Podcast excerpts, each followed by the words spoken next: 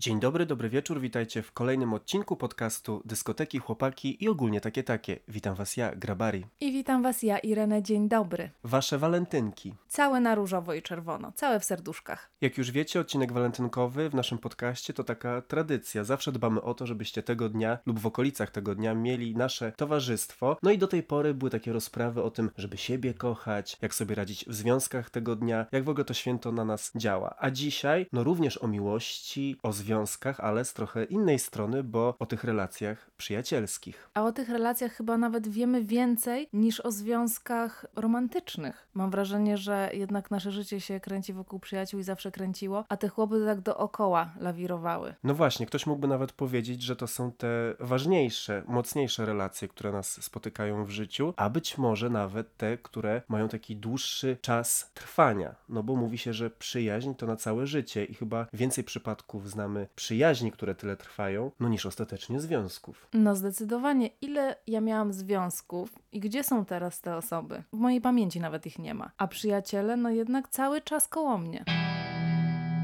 Partnerem tego odcinka jest marka House, marka, którą mam wrażenie wszyscy znają lub powinni znać. I my oczywiście zachęcamy Was do sprawdzania oferty House'a na ich stronie internetowej oraz w sklepach stacjonarnych. No my z Ireną już się skusiliśmy na kilka rzeczy z House'a i efekty, no tutaj mam wrażenie efektownej, przełomowej sesji zdjęciowej i nagrań będziecie mogli podziwiać na naszych Instagramach. No i powiedzmy sobie szczerze, wyglądamy zniewalająco. Prawdziwe BFF Energy, można powiedzieć. Myślę, że się nikt nie będzie kłócił. To jest w ogóle ciekawa sprawa a propos tego, jak my dobieraliśmy swoje stylizacje, żeby razem fajnie wyglądać. I może zacznijmy od takiej strony modowej. Czy ty pamiętasz dobieranie się stylizacyjnie ze swoją przyjaciółką? Mam wrażenie, że u dziewczyn to jakoś tak bardziej działa intensywniej. No, nawet czasem jesteś świadkiem tego, jak moja przyjaciółka dalej na przykład ubiera się w taki sposób, żeby pasować. Jak przychodzę do niej do domu albo gdzieś robimy befora i ona mówi, no nie no, jak ty tak wyglądasz, no to ja się muszę przebrać. Wiesz o co chodzi? Na jakiś tam poziom musi być. Nie może być tak, że jedna osoba tutaj ma piórka, obcasa, make-up, a druga, wiesz, w koszuli. Tak jak sobie myślę, to u kolesi to trochę inaczej działa, szczególnie w takim młodszym wieku, ale z drugiej strony, jak sobie przypomnę, to zawsze miałem wśród swoich kolegów kogoś, kogo styl mi się podobał i tak próbowałem go naśladować, no bo on był dla mnie taką wyrocznią, że jest cool. No to ja też chciałem być cool, więc próbowałem to imitować i na przykład nosić super szerokie spodnie, jakieś takie bluzy obszerne. Miałem takiego kolegę Krystiana i on był taki cool po prostu, do dzisiaj pamiętam jak poziom tego, jaki on był cool w moim odczuciu i to jest naprawdę jedyne słowo, którego mogę użyć w odniesieniu do niego, bo on jest po prostu tym słowem, to to, że on tak fajnie się ubierał, fajnie tańczył i był taki, no nie wiem, spotykał ludzi, był super otwarty, potrafił do każdego zagadać, tutaj dziewczyny wyrywał w jakiś taki najprostszy sposób. I ja, on był nie tylko moim przyjacielem, ale on był też takim moim trochę idolem. Mi się wydaje, że to jest częste też u hetero chłopaków, którzy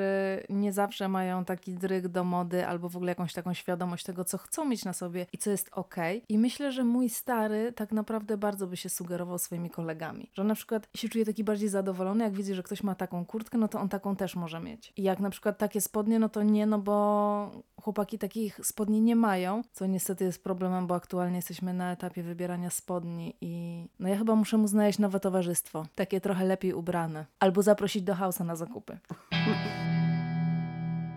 No dobrze, ale przyjaźń. Gdyby tak się zastanowić nad genezą każdej naszej przyjaźni w życiu, to czym my się kierowaliśmy przy wyborze tych osób? I czy to w ogóle był wybór, czy to się po prostu stało? Bo tak mi się wydaje, że kiedy myślimy o związkach romantycznych, to jesteśmy w stanie wskazać taki moment, gdzie pomyśleliśmy o kimś jako osobie, z którą chcielibyśmy być, iść na randkę, ktoś zwrócił naszą uwagę. A kiedy cofam się pamięcią do początków moich przyjaźni, to czasami bardzo trudno jest wskazać ten konkretny moment nawet poznania się. No to jest ciekawe, bo na przykład moja przyjaciółka, ta relacja, ona się zaczęła dużo wcześniej. My się znałyśmy, jak miałyśmy 10 lat, tak przelotnie powiedzmy. Potem się znałyśmy w liceum, ale to w ogóle nie był jeszcze ten, ten stopień zażyłości, aż dopiero na studiach jakoś tak się przełamały te lody, że spędziłyśmy ze sobą trochę czasu, może tak sam na sam i dopiero wtedy tak to weszło na taki wyższy level. Są takie znajomości i mam takich przyjaciół, dużo czasu ze sobą spędzaliśmy, jakby od razu było fajnie i to tak popłynęło, nie? Tak jak my się spotykaliśmy i my się poznawaliśmy, to po prostu było coraz więcej tych imprez, coraz więcej spędzania czasu i jakoś tak naturalnie to wyszło. Więc to trochę zależy od przyjaźni. Nie wszystkie się zaczynają tak samo. I też w przeciwieństwie do związków romantycznych nie ma tego momentu, kiedy obie strony ustalają to tak w taki uroczysty lub bardziej formalny sposób, że od teraz jesteśmy przyjaciółmi. Ja przynajmniej nie przypominam sobie takiej sytuacji. Aczkolwiek przypominam sobie takie momenty, w których pomyślałem o kimś jako o przyjacielu pierwszy raz. I to mógłbym nazwać takim właśnie zacementowaniem tego, tego związku przyjacielskiego. No i jakie to były momenty? Wydaje mi się, że takim momentem jest to, kiedy czujesz, że możesz się przed kimś otworzyć albo na kogoś liczyć na przykład. To wydaje się trochę transakcyjne, ale chodzi bardziej o takie poczucie bezpieczeństwa i tego, że ktoś się tak cię akceptuje w pełni tym, kim jesteś, bo kiedy wchodzisz na przykład do jakiejś grupy ludzi, no to próbujesz się zaprezentować. I oczywiście jesteś sobą, możesz być sobą, ale chcesz zrobić jakby to dobre wrażenie. A ten moment, kiedy już możesz się tak totalnie wyluzować i być sobą tak 100% i nie wstydzić się jakichś swoich, nie wiem, zachowań, na przykład czuć się swobodnie i podśpiewywać w czyimś towarzystwie, to dla mnie to jest taki moment, że wiem, że jakby ta osoba sprawia, że ja się czuję na tyle komfortowo, że nie muszę się absolutnie już niczym martwić. To takim momentem dla mnie jest nagranie komuś muzycznej pocztówki, bo ja je nagrywam, takie właśnie wiadomości na WhatsAppie, w których śpiewam piosenki autorskie. Przepiękne, naprawdę, to są jedyne w swoim rodzaju kompozycje, możesz potwierdzić. Tak, to są wspaniałe, często wzruszające utwory liryczne, wokalnie też bardzo imponujące, no i muszę powiedzieć, że takie, które no, człowiekowi po prostu poprawiają humor od razu. Już po jednej nutce ja już mam dzień dobry. No i właśnie te piosenki, jak ja je wysyłam, to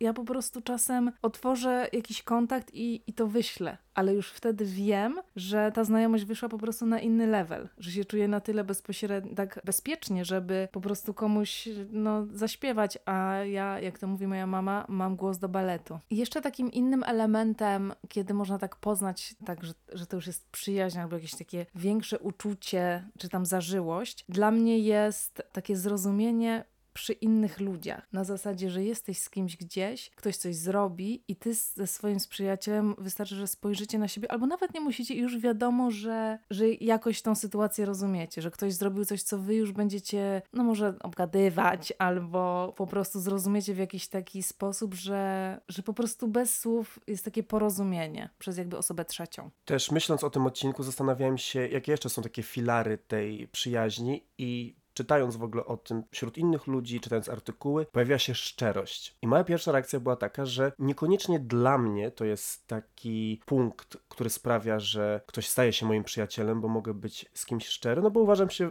za w miarę taką szczerą osobę i też nie muszę kogoś bardzo dobrze znać, żeby przekroczyć jakąś taką granicę swoją dzielenia się jakimiś moimi sekretami czy rzeczami. Ale później, jak się dłużej nad tym zastanowiłem, to jednak uznałem, że ta granica istnieje u mnie. I są takie rzeczy, które powiem dopiero osobie, którą uważam za przyjaciela czy przyjaciółkę. No i to są naprawdę jakby mroczne, mroczne sekrety. Zakamarki twojej duszy. No i to się wiąże z tym, że nie boję się oceny, bo wiem, że ta osoba mnie zna już na tyle i akceptuję, że nawet jeżeli ta ocena się pojawi, to ona nie będzie taka krytyczna jak kogoś z zewnątrz, tylko sprawiająca, żebym ja był lepszy, nie popełnił takiego błędu, czy nie miał kolejnych takich mrocznych epizodów czy sekretów w swoim życiu, ale chyba to bezpieczeństwo, to jest dla mnie taka esencja przyjaźni i taki podstawowy filar. No właśnie, bo często się mówi, że przyjaciel powinien na przykład tak ocenić albo albo tak, wiesz, móc jakoś tak obiektywnie postawić do pionu. Różne słyszę teorie na ten temat, ale też często po prostu chodzi o to, że no przyjaciel jest tą osobą, która cię wysłucha i jednocześnie cię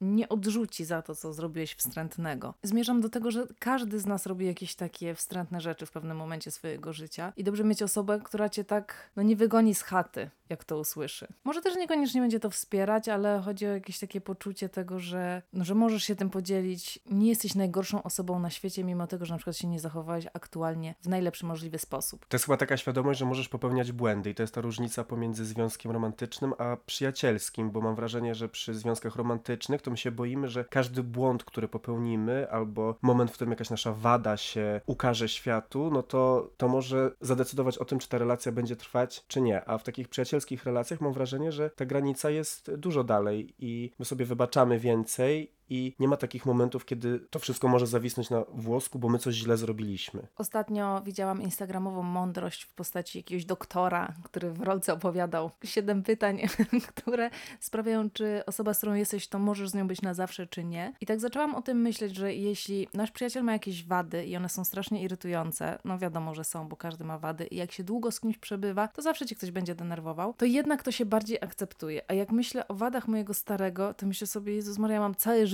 z tym wytrzymać i tak one są jakieś takie trudniejsze do przełknięcia, bo jednak z przyjacielem, no może się nie spędza tyle samo czasu, co w takim związku żyjąc z kimś, chociaż czy tak naprawdę się nie spędza? Ale te wady są takie łatwiejsze do przełknięcia, do zrozumienia, musisz czasem odpuścić, a jednak w takich związkach romantycznych myślisz sobie zmień się i bądź idealny i perfekcyjny teraz. Ale wróćmy do tych sekretów, bo tutaj pojawia się takie pytanie, czy są sekrety, które ukrywa się nawet przed swoim najlepszym przyjacielem i przyjaciółką? I to nie musi być coś takiego kompletnie złego, co skrywamy w sobie i absolutnie świat się o tym nie może dowiedzieć, ale czy są takie rzeczy, o których nam wstyd powiedzieć nawet tej najbliższej osobie? Ja generalnie jestem straszną gadułą. Ja nie potrafię utrzymać języka za zębami, jeśli będziecie chcieli się kiedyś, no tak głupio mi powiedzieć, podzielić swoim sekretem, bo w sumie jeśli to są osoby, których nie znam, to jest mi dużo łatwiej, ale jeśli to jestem ja, czasem sobie myślę o jakichś głupich myślach, które mam, albo jakichś rzeczach, które zrobiłam i na przykład wstyd mi się przyznać po prostu. To pierwsza opcja jest taka, że ja trochę koloryzuję, czyli tak mówię połowę prawdy, nie? Że coś się wydarzyło, ale ja tak naprawdę zareagowałam tak, bo ktoś coś powiedział, na przykład tak ktoś tego nie powiedział, albo wiesz, powiedział coś innego, ale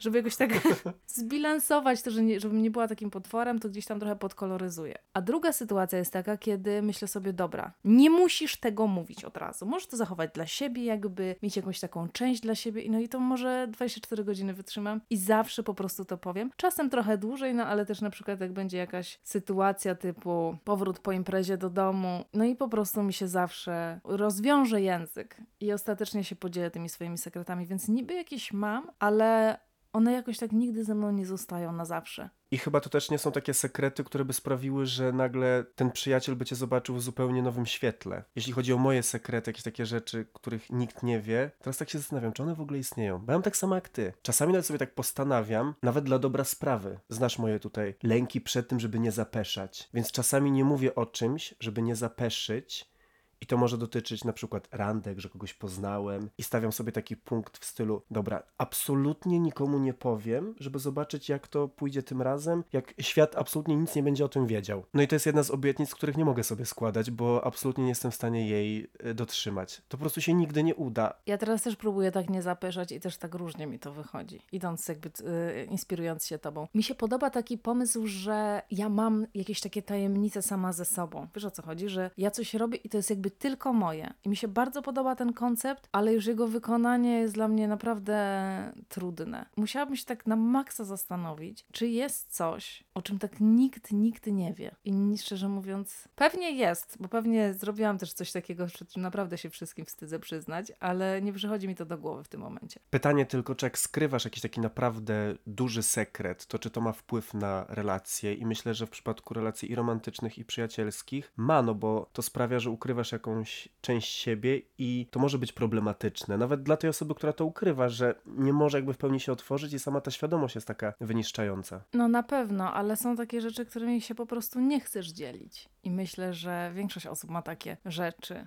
Albo myśli, albo jakieś podejrzenia. Ja bym chciał, żeby ta lista rzeczy u mnie była bardzo długa, ale ja absolutnie nawet jak zrobię coś obrzydliwego albo takiego, czego naprawdę się wstydzę, tak sam przed sobą, to i tak to powiem. I potem jakby jest rzesza ludzi, których uważam za przyjaciół, oni są moimi przyjaciółmi i dysponują taką wiedzą i to w ogóle nie działa na moją wyobraźnię. Mi to w ogóle nie przeszkadza. Nawet gdybym wziął pod uwagę to, że kiedyś ta przyjaźń by się rozpadła albo jakiś taki czarny scenariusz, w którym właśnie oni mogliby podać to dalej, to to w ogóle nie sprawia, że, że ja mam jakieś takie refleksje, żeby tego nie zrobić, nie powiedzieć. Czasami, jak zrobiłem coś takiego, szaloną akcję po imprezie, czy coś w tym stylu i myślałem sobie, dobra, to jest jakby przesada. Tego już nikomu nie powiem. Zostawię to po prostu dla siebie. Nawet jak ktoś by wypytywał, co tam robiłem, co się nie wydarzyło, będę milczał albo zaproponuję taką wersję soft, która no, będzie odpowiednia dla, dla publiczności. No i nie miną 2-3 godziny, jeden dzień max i ja po prostu już na czacie grupowym. Słuchajcie, wiecie co ja tam odstawiłem w niedzielę rano? I jeszcze do tego to piszesz, żeby po prostu był dowód. To zauważyłem, że ludzie jak się dzielą sekretami albo takimi informacjami, które nie powinny pójść dalej w świat, no to często wybierają opcję nagrania głosówki. Ale czy to nie jest gorsze? No bo, Gorsze. To jest gorsze. no bo to jest twój głos. To już no, tego się nie wyprzesz. Tak, a zawsze można sfotoshopować to, co się napisze. Ja w ogóle są takie rzeczy, które, których nie lubię pisać. I ja muszę na przykład zadzwonić i je powiedzieć. I to nawet często nie są jakieś takie turbo, jakieś szokujące rzeczy, albo jakieś takie mega obgadywanie kogoś, albo coś. Tylko, że jakoś tak mam w głowie, że, że tego nie napiszę, że to wolę opowiedzieć. No czasami też z takich powodów narracyjnych lepiej coś opowiedzieć i nagrać taką głosówkę albo zadzwonić, bo wtedy można to zrobić w taki bardziej efektowny sposób albo na śmiesznie, no bo często te rzeczy, które robimy tak na papierze brzmią gorzej albo straszniej. A to były takie powiedzmy humorystyczne sytuacje. No tak, to prawda, ale mi bardziej chodzi o to, że ja to wolę powiedzieć, żeby tak nie było świadków, żeby to się nigdzie nie nagrało, żeby nie było śladu. Słuchaj, pamiętaj, że ja jako były pracownik tabloidu, ja mam swoje sposoby na zachowanie wszystkich śladów. Także uważaj. Okej. Mówiąc o przyjaźni, ciężko nie ominąć tego tematu, który mam wrażenie, że jest takim evergreenem i on co roku odżywa, szczególnie przy okazji walentynek, ale też po prostu istnieje w takiej naszej zbiorowej świadomości i to nieśmiertelne pytanie, czy przyjaźń damsko-męska jest możliwa. I mam wrażenie, że ludzie cały czas próbują odpowiedzieć sobie na to pytanie i cały czas jesteśmy bardzo mocno podzieleni z tymi odpowiedziami, bo trafiam nawet na takie, nie wiem, TikToki, artykuły, czy tam komentarze, co ludzie piszą, bo jestem bardzo ciekawy. I obie strony, ta, która jest na tak, ta, która jest na nie, jest tak super przekonana o słuszności swojej odpowiedzi, że tutaj absolutnie nie ma takiego zbiorowego, zbiorowej zgody. Co my o tym tak naprawdę sądzimy jako taka całość, społeczeństwo? A ja myślę, że nie ma takiej jednej rzeczy na świecie, w której całe społeczeństwo się zgodzi, przy której. Więc to, to, to jest. e, No, że pizza jest dobra na przykład. No nie, no bo są ludzie, którzy nie lubią pizzy, jakby tak, tak jest. No taka osoba nie mogła być moim przyjacielem. No widzisz. A może ktoś undercover. To jest ten mroczny sekret, który ktoś przede mną skrywa, bo wie, jak ja mam podejście do pizzy. Bo ja na przykład nie lubię ziemniaków i nie. Prze... Znaczy nie, że nie lubię, ale jakoś ziemniaki są mi obojętne. Frytki, no tak by raczej na skali idzie na minus niż na plus. No i wiem, że to są rzeczy, których, z którymi ja się nie dzielę z moimi przyjaciółmi za często, bo nie chcę jakby takich negatywnych emocji wokół siebie wzburzać. Więc to, zazwyczaj tą, tą wiedzę trzymam dla siebie i zamawiam sobie coś innego, nie? Typu ziemniaka zamiast frytek. Albo zamiast ziemniaków makaron. Nie? I to pewnie byś ukryła na początku znajomości przyjacielskiej, gdyby one się odbywały w takim toku jak te relacje romantyczne, tak jak się zaczynają. Gdzie mam wrażenie wtedy jakoś bardziej tak podchodzimy w taki mocno skupiony i detaliczny sposób, gdzie się z kimś zgadzamy bądź nie, niż z przyjaciółmi. Ja też jestem nieśmiała na początkach relacji i jakby na przykład wszyscy tak gadali, Boże, ziemniaki, ziemniaki, ziemniaki, to ja bym tak, wiesz, hmm, poszła do toalety, wody się napiła. Nie wyskakiwała jak Filip z konopi od razu, z moją niechęcią do ziemniaków. I ja bym pewnie zjadł tego ziemniaka.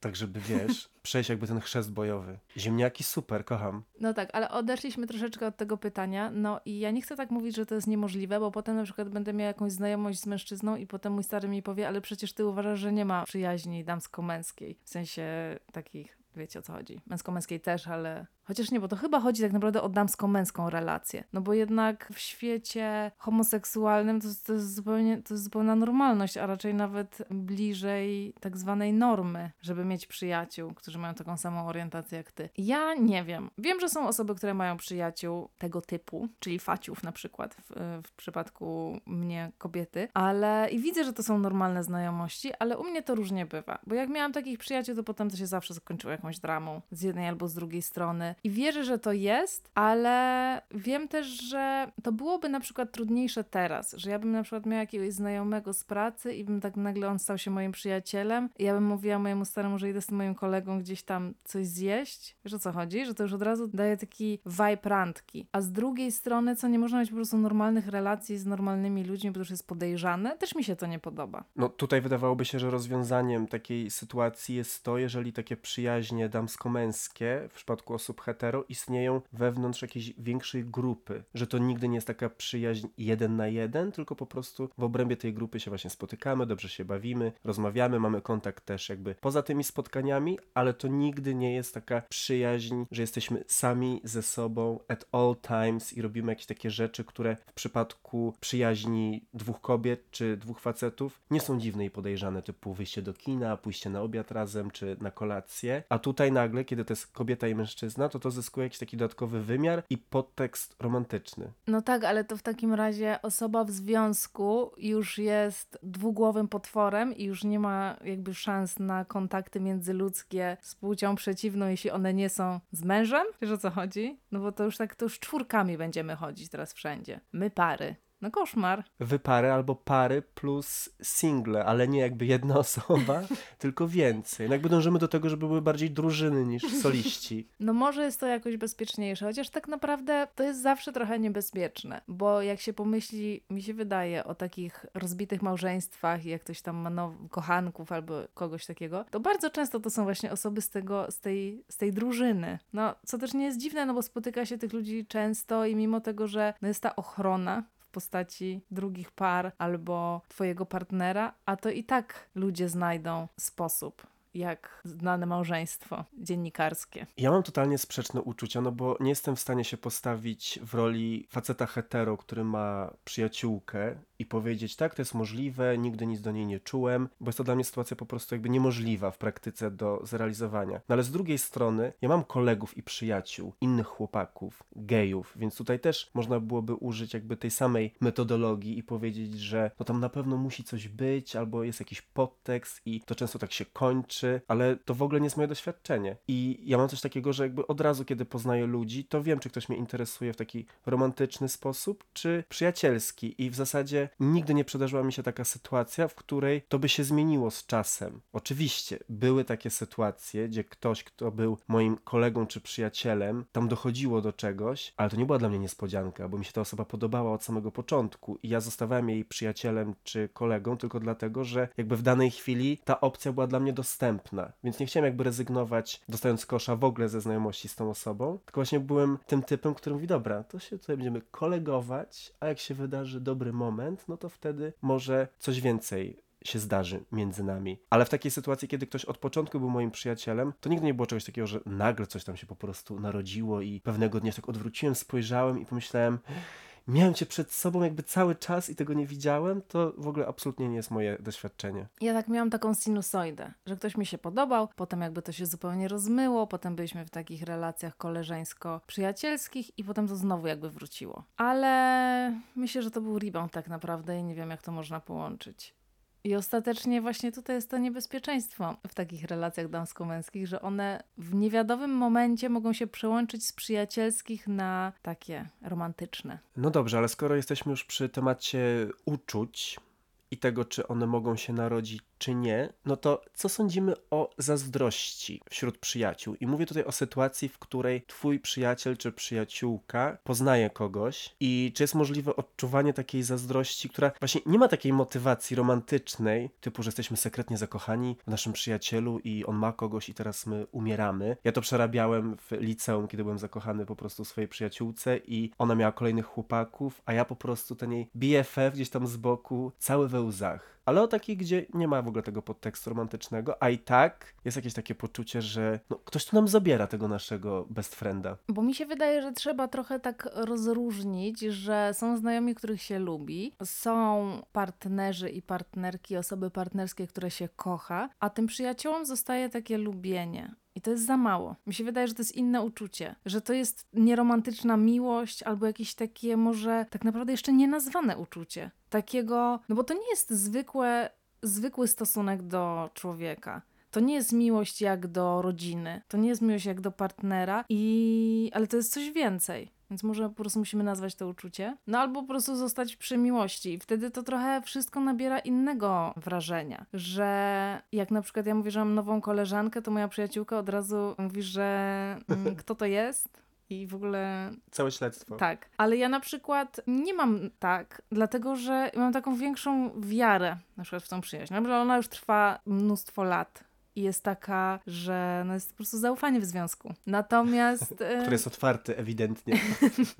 Tak, no ale dlatego, że nikt nigdy jakby nie wejdzie na ten poziom. Że można to czasem sprawdzić, zapytać, jakby jaka jest tu, przepraszam bardzo, sytuacja, prosimy o wyjaśnienia, ale że nie ma takiego stresu. Natomiast przy takich może mniej zaawansowanych przyjaźniach, albo na przykład my mamy grupę przyjaciół, no to mogą się pojawiać takie w głowie takie myśli o jakiejś tam schodki, kto gdzie jest i jakieś zazdrości, albo czemu nagle ktoś spędza ze mną mniej czasu a i, i więcej z innymi ludźmi i no to jest taka trochę zazdrość o, o takie miejsce w hierarchii, o czas, o to, że kogoś na przykład ktoś bardziej lubi. Przy grupach przyjaciół to myślę jest taka naturalna sytuacja, kiedy pewne osoby ze sobą bardziej klikają i na przykład spędzają ze sobą więcej czasu. No ale faktycznie wtedy jest takie zastanawianie się, kto gdzie tutaj na tej mapce po prostu się układa. Ale jeśli chodzi o taką zazdrość, to ja tego tak doświadczyłem w taki sposób bardzo niezależny ode mnie, w takim sensie, że moja przyjaciółka wyjechała do innego kraju. I my byliśmy bardzo blisko i oczywiście obserwowałem, co ona tam robi, wstawia, no i nagle po prostu na tych jej zdjęciach i filmikach jakiś po prostu gej się pojawił. I ja mówię, o, już mówię, ma nowego tam. I oczywiście powtarzałem sobie, to nie jest to samo, no jakby wiadomo, ona tam jest w nowym miejscu, potrzebuje też ludzi, przyjaciół, kontaktu, ale za każdym razem jak się pojawiało jakieś nagranie z nim albo zdjęcie i ona na przykład je opisywała w stylu the best time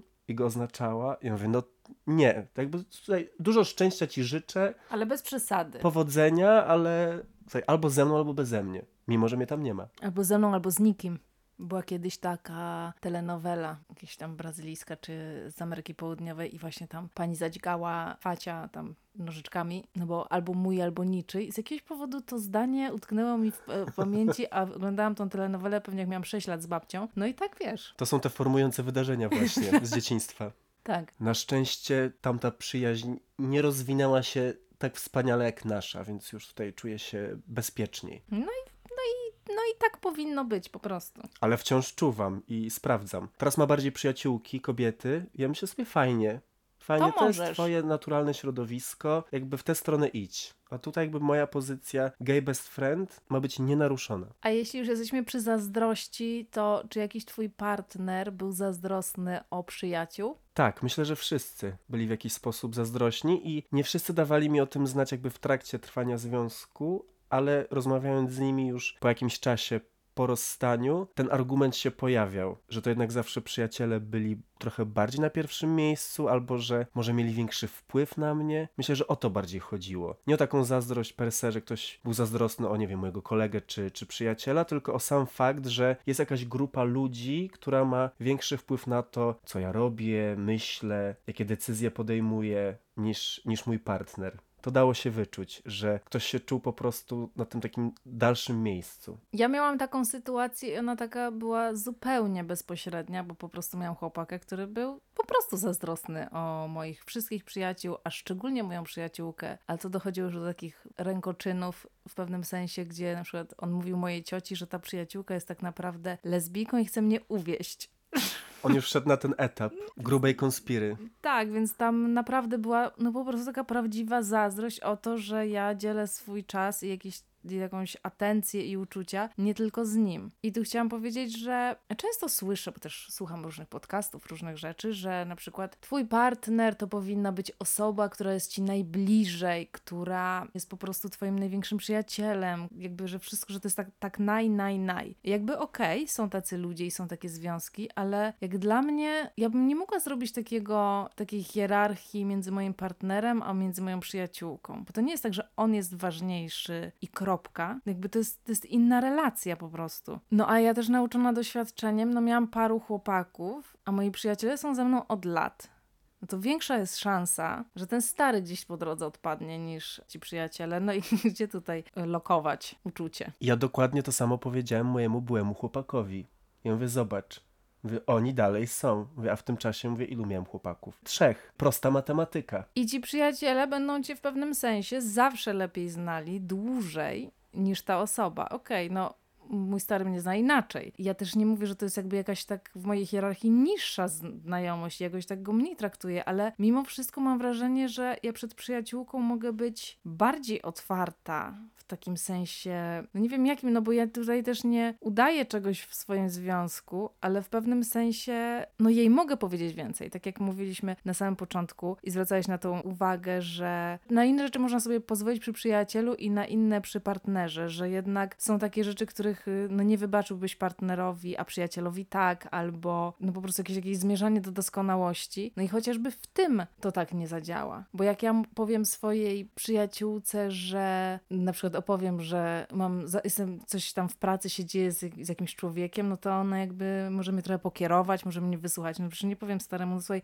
coś w pracy mi się ktoś spodobał. No bo tak nie jest. I tak samo jak powiem przyjaciółce, że fajną koleżankę się super dogadujemy, no to oprócz tej zazdrości, o której mówiliśmy, no to też nie będzie to jakimś deal breakerem. Więc chociażby w takich rzeczach, nie? Ja nie mówię tu o jakichś zdradach, tylko po prostu o jakichś takich emocjach, które się przeżywa na co dzień. A czy takim deal breakerem może być to, że nasz partner albo partnerka nie dogaduje się z naszymi przyjaciółmi albo z naszym najlepszym przyjacielem? Bo ja też myślę, że ta dynamika jest inna, kiedy mamy grupę przyjaciół, a kiedy na przykład mamy jednego lub jedną przyjaciółkę, taką BFF na maksa, to tutaj inne emocje trochę wchodzą w grę i ta nasza uwaga, jak jest skupiona tylko na jednej osobie, tej przyjacielskiej, jest związek i to też jest tylko jedna osoba, no to tutaj to jest taki bezpośredni pojedynek po prostu. Myślę, że może być różnie w takich sytuacjach, ale że wyobrażam sobie sytuację, w której ktoś ma szczęśliwy związek, dobrą przyjaźń, a partner i przyjaciel się nie lubią i się unikają.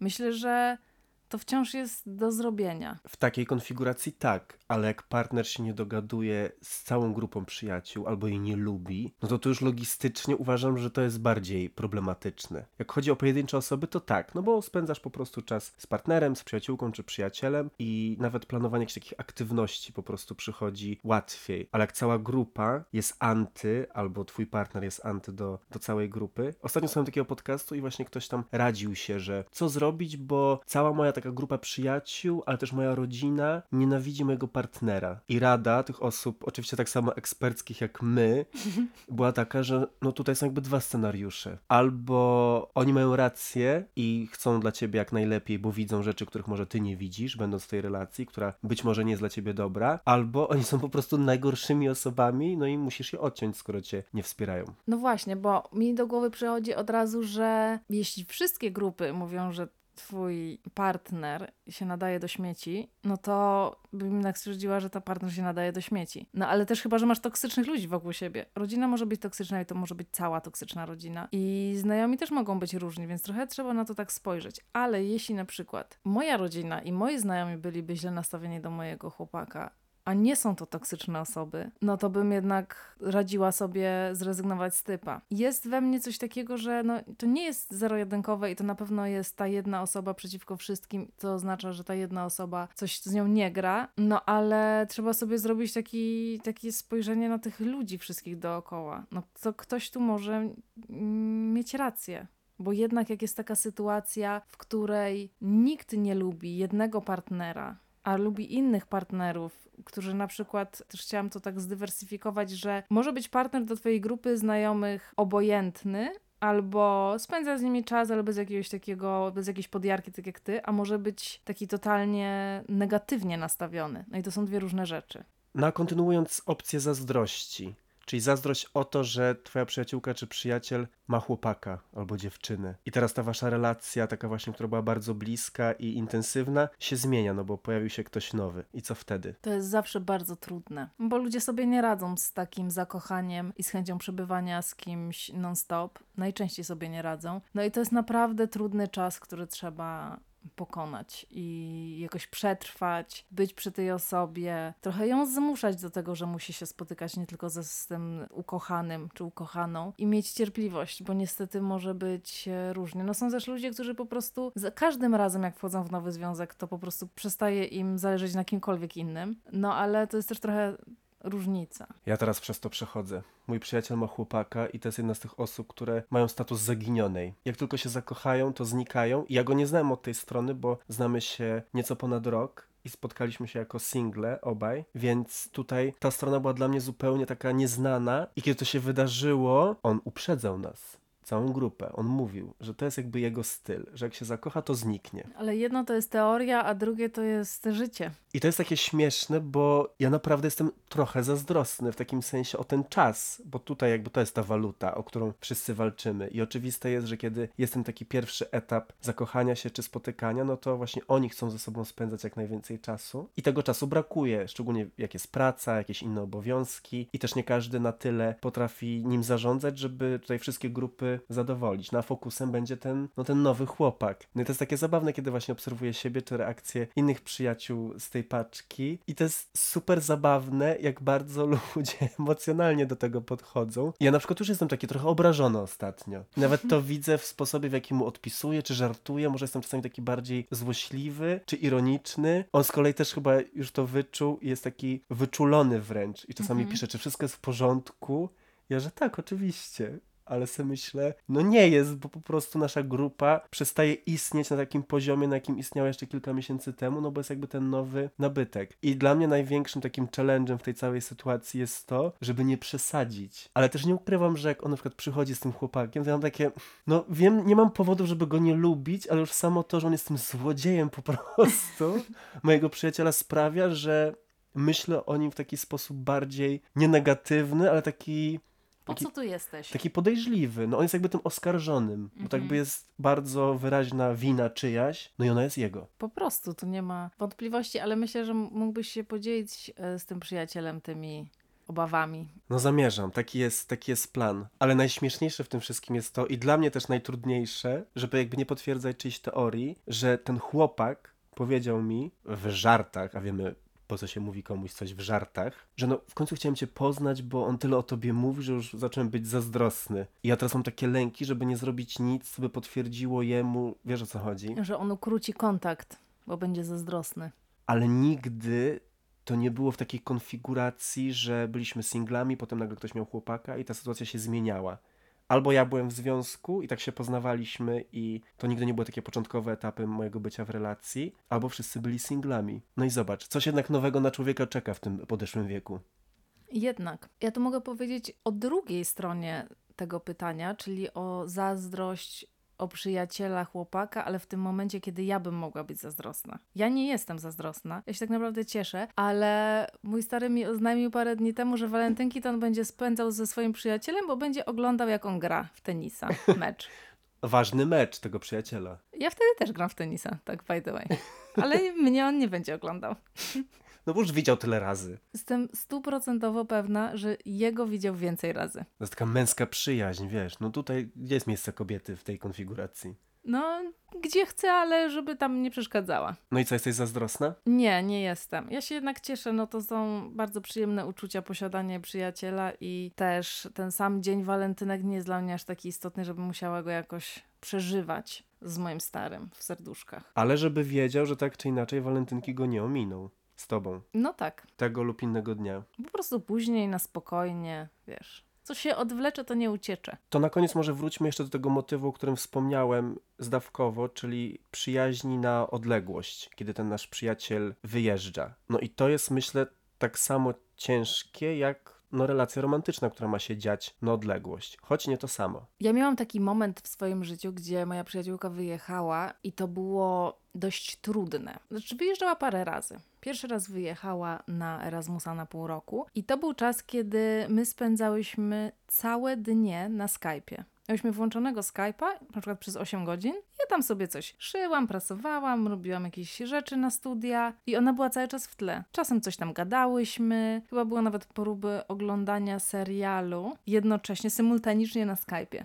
I po prostu nie czułam się taka opuszczona i zostawiona, no bo non-stop był ten kontakt i to takie gadanie i to właśnie taki kontakt jak wcześniej, jak mieszkałyśmy razem. Czyli cały czas gdzieś coś tam jest. Coś ci się przypomni, to coś powiesz, przez 20 minut nic nie powiesz i tak y, czas płynął. Ja właśnie stanąłem przed, takim, przed taką sytuacją z moją przyjaciółką, która też się wyprowadziła, ale to już było po kilku latach przyjaźni i ta decyzja była taka nienagła, ona mnie do tego przygotowywała, ale ja z jakiegoś powodu w ogóle tego nie brałem tak, nie wiem, na poważnie. No wiedziałem, że ona jakieś podejmuje kroki, lata do tego miasta nowego, szuka pracy, przygotowuje sobie grunt, a mimo to pamiętam ten dzień, w którym ona po mnie przyjechała autem, mieliśmy jechać do kina i ona mówi, słuchaj, to jeszcze po drodze podjedziemy, bo muszę iść podpisać taką umowę kończącą wynajem z właścicielką mieszkania. I ja tak, słucham? Czyli to się dzieje po prostu. I to spadło na mnie jak grom z jasnego nieba, mimo że no, było takie wprowadzenie do tematu przez jakieś, nie wiem, pół roku. I ja sobie tak pomyślałem, no i co, mówię, za trzy tygodnie cię już tu nie będzie. I to było super dziwne. I potem się zastanawiałem właśnie, jak sprawić, żeby ten kontakt zachować. I on był bardzo intensywny jakby na miejscu w Polsce, bo wtedy oboje mieszkaliśmy w Polsce. I kiedy ona wyjechała, no to na początku też były takie próby, żeby dzwonić do siebie i pisać dużo, tak trochę na zaś, żeby nie przegapić tego momentu, kiedy ten kontakt osłabnie i po prostu ta przyjaźń się rozejdzie. No ale w tym przypadku się okazało, że my nie potrzebujemy tego tak intensywnego kontaktu na co dzień, żeby ta relacja trwała. I to myślę było takie bardzo uspokajające. No i tak jak mówiłem, niby to jest podobny challenge dla ludzi, żeby utrzymać relację przyjacielską na odległość, tak jak związek, ale myślę, że z przyjaciółmi jest łatwiej ostatecznie. Że to nie wymagasz takiego nakładu sił i tej takiej pracy, tylko to jest jakby tak mocny fundament, że ta przyjaźń zawsze będzie. Ona po prostu będzie mniej intensywna. To prawda, taki związek na odległość, a przyjaźń na odległość to są dwie różne rzeczy. Bo związek na odległość to jest jakieś, jakaś taka męka cały czas, mam wrażenie, że ludzie tak nie potrafią sobie życia ułożyć, jednocześnie mając kogoś daleko i widząc się raz na jakiś czas, tylko to jest takie cały czas męczenie się. Nigdy nie byłam w takim związku, no ale tak wnioskuję po mm, wrażeniach moich znajomych i obcych ludzi. Natomiast ta moja przyjaźń miała jeszcze taki drugi etap, no bo to jak byłam na studiach, no to mogłyśmy spędzać godziny na Skype'ie, no bo w ciągu dnia gdzieś tam coś niby robiliśmy. Jak to gdzieś- studia, no. no. to studia, nie? Natomiast ona wyjechała później jeszcze raz i wyjechała znowu za granicę. I to był czas, kiedy już pracowałyśmy, więc nie dało się rozmawiać tak strasznie dużo. Oraz to był jakiś taki dziwny moment, albo przed WhatsAppem, przed w ogóle rozmowami przez telefon, które są przez internet. Jakoś może też nie ogarnęłyśmy, żeby mieć Skype'a, może też chodziło jakąś o ilość danych, że to jeszcze był taki moment, nie jak teraz, że cały czas jest ta gadka, cały czas jest kontakt z, z ludźmi. I to było trudne, bo wtedy tak rzadko ze sobą rozmawiałyśmy, dosłownie tam może dwa razy w tygodniu i to było wtedy dla mnie takie najtrudniejsze. Potem jakoś to szybko przeskoczyło właśnie na to, że mogłyśmy gadać przez internet, i w sensie przez Whatsappa i znowu gadałyśmy bardzo często, że na przykład ona idąc do pracy do mnie dzwoniła codziennie, więc był ten kontakt non-stop, ale ten moment taki przejściowy był trudny. Jednak ja czułam taki brak, że ja potrzebuję jednak mieć cały czas, wyrzucać z siebie takie rzeczy na co dzień, nie? Co się dzieje, głupoty gadać non-stop. Jakby ja cały czas gadam rzeczy, które po prostu dawno mo- mogłabym, mogłabym skończyć, ale więcej i więcej. I jednak bez możliwości tego, no to to jest jakoś tak przykro. I na przykład do mojego starego nie mogłabym tak gadać. Jakby w ogóle nie reagował w taki sposób, jak powinien. To na koniec, tak żeby zakończyć w takim dobrym nastroju dziękczynnym, można by powiedzieć. No, za co jesteśmy najbardziej wdzięczni naszym przyjaciołom? I ja jestem wdzięczny za to, że oni po prostu są dla mnie, kiedy tego najbardziej potrzebuję. Wiadomo, doceniam też te super rozrywkowe momenty, zabawę wspólną i, i to wszystko, ale najbardziej, kiedy ja czuję, że tego potrzebuję, właśnie porozmawiać, mam jakiś taki słabszy okres, rozstaję się z kimś i mogę to z kimś przegadać, właśnie powiedzieć tak szczerze i otwarcie, co czuję, bo wiem, jak to jest, kiedy tego nie ma, bo moje pierwsze takie rozstanie mój pierwszy związek, który się zakończył i był taki dramatyczny zwrot tam, to był moment, kiedy większości moich przyjaciół nie było na miejscu, bo to były wakacje, wszyscy gdzieś się rozjechali, nie wrócili jeszcze na, na nowy semestr, na studia. I ja tak na chwilę zostałem sam i podjąłem inną decyzję, niż bym podjął, gdybym mógł to z kimś, nawet nie tyle skonsultować, ale tak opowiedzieć wszystko, wyrzucić z siebie te, te emocje, które wtedy czułem jakoś je przeprocesować z innymi ludźmi. Zostałem z tym sam, no dosłownie 2 czy 3 dni i to tak bardzo wpłynęło na to, jak ja się wtedy zachowałem, że to się już nigdy później nie powtórzyło.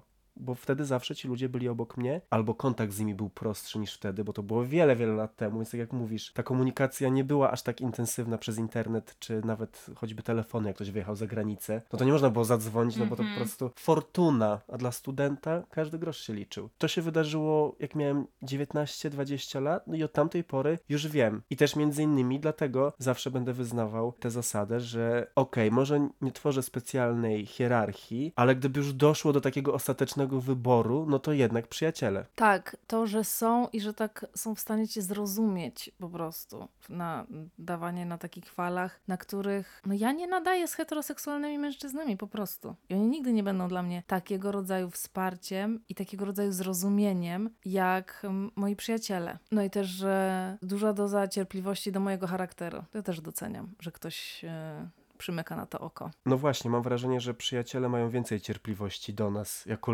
jako ludzi. Już niezależnie kto ma jaki charakter, ale że gdzieś ten taki etap, kiedy ktoś ma dość, jest trochę dalej niż w przypadku takich relacji romantycznych. No dobrze, no to atmosfera dziękczynna, pochwalna, kochamy swoich przyjaciół, inwestujmy w te, w te przyjaźnie, Kochamy siebie. dbajmy o nie. Jak mamy swojego BFF i jesteśmy oboje singlami, no to walentynki czy nie walentynki, fajny czas, żeby spędzić razem i zrobić coś y, śmiesznego, czy takiego, co nam poprawi humor w te dni, kiedy jesteśmy bombardowani tą taką miłością romantyczną dookoła. I tak, no, po prostu też, no, wydaje mi się, że w naszym podcaście, niezależnie czego dotyczy dany odcinek, to ta przyjaźń mimo wszystko zawsze gdzieś jest, choćby w tle, zawsze jest obecna. No jest podstawą naszego podcastu, można powiedzieć. Naszych przeżyć, naszych wszystkich historii. To tyle od nas. Oczywiście zachęcamy Was do dzielenia się Waszymi spostrzeżeniami dotyczącymi Waszych przyjaźni, zazdrości o przyjaciół, tego jak związki działają na te przyjaźnie albo przyjaźnie na Wasze związki, więc y, piszcie do nas na Instagramie Grabari.pl i kobieta na skraju I na koniec dziękujemy partnerowi naszego odcinka, Marce House. i zapraszamy Was oczywiście do sprawdzania oferty Hausa na ich stronie internetowej, w sklepach stacjonarnych i jeszcze raz powtórzę, do zapoznania się z naszymi filmowo-zdjęciowymi dziełami e, w social mediach, na naszych Instagramach. Dziełami sztuki, można powiedzieć. A my słyszymy się już niedługo w kolejnym odcinku, więc do usłyszenia. Cześć!